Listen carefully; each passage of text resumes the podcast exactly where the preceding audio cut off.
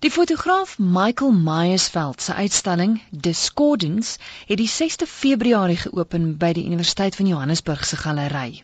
Ek het hom verlede week Vrydag by die galery ontmoet en watter voorreg was dit om saam met hom tussen sy werk rond te loop. Ek nooi jou uit, gemaak gerus 'n draai op www.meyersveld.com om saam te kyk na die werk waaroor hy gesels.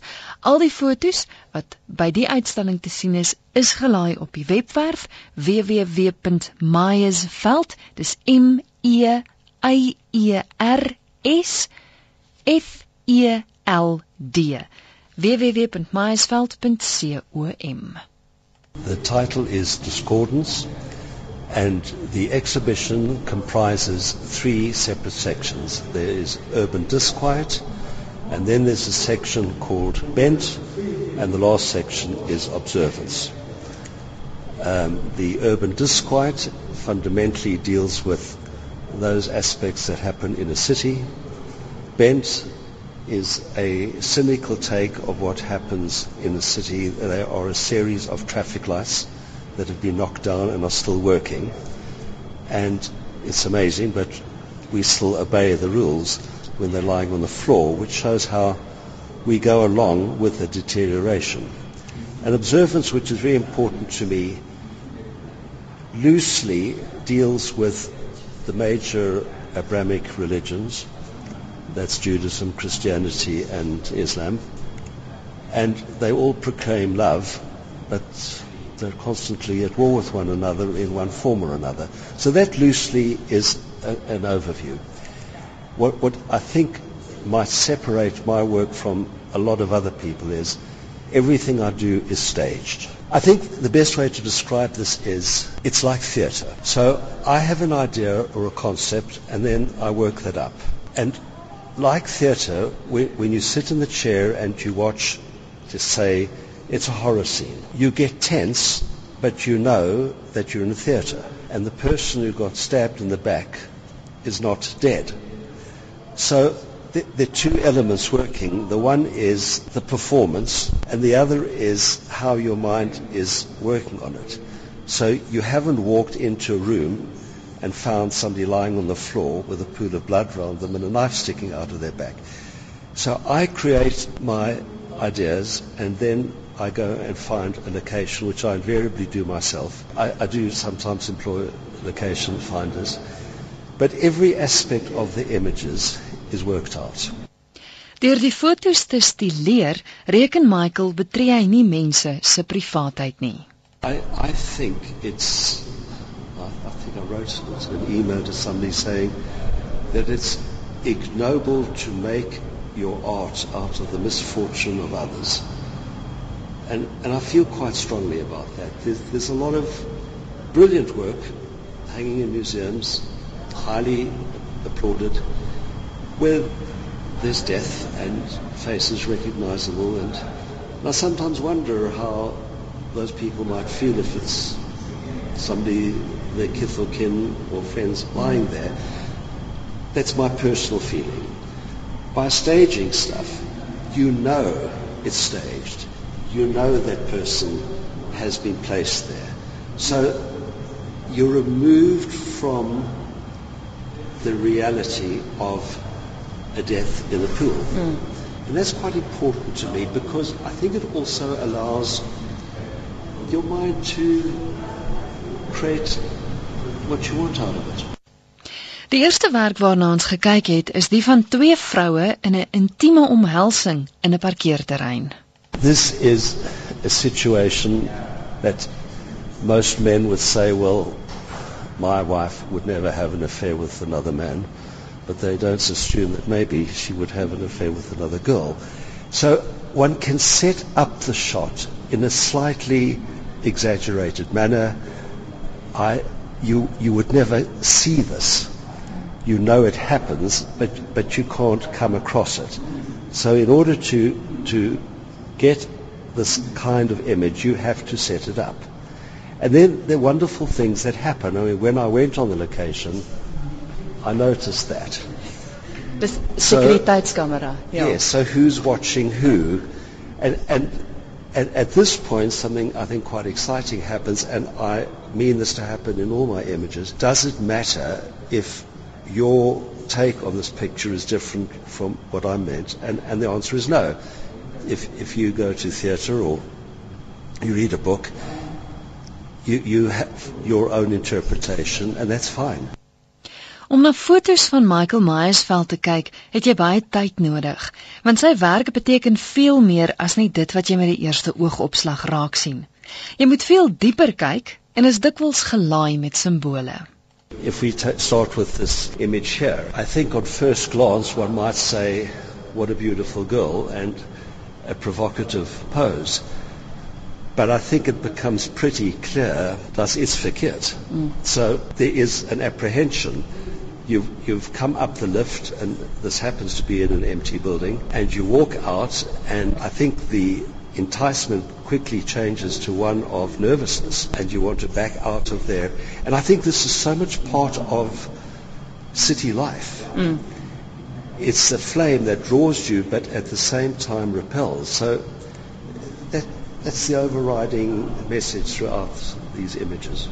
Ek gaan net vir die luisteraars verduidelik, dit is op die op die bokant van 'n gebou en dis 'n vrou wat op 'n op 'n tafel lê op haar rug en haar haar borste is ontbloot. This is what I do. I I think like anything else there are easy books to read and more interesting books to read. I, I would hope that people find my images more interesting. So it's something that if you like this type of work you can live with for forever. Mm. There's always something new. There's always another dimension. There's always another, is there somebody looking down from that window? So some are more layered than others, but, but yes, you're right. They're, they're not simple images. Michael sê dis nie moontlik om 'n gunsteling foto te kies nie, maar wel een wat moeiliker was om vas te vang. I love this image. Now we are on the section of observance. And this little boy is, I think he's not 18 months. His name is Sean, and he's Hilda, who's the studio manageress. That's their son. And he's sitting on a baptismal font. And now I went into that church twice before I took the picture. And I think this is important that I don't come across a place and think, okay, I can make a lovely picture here. I work through it, I think about it. I then thought these vases with these lilies represents mankind. And the poem here is child knows no evil, no fear nor hate. So who teaches the infant to war to break? And quite clearly, it's the parents. A child is not born a Muslim or a Christian or a Jew they are they inherit that. And then with that they inherit hate, fear, hopefully sometimes love. So it's the adults that do that. He's got that expression on his face which was absolute magic. I managed to get it. A wise old man in this child's body who's above it all. So it was an amazing image to get because his expression really, you know, a child is a child like an animal. You can't tell them what to do. So to answer your question, it's not a favorite necessarily, but it was not an easy image to get.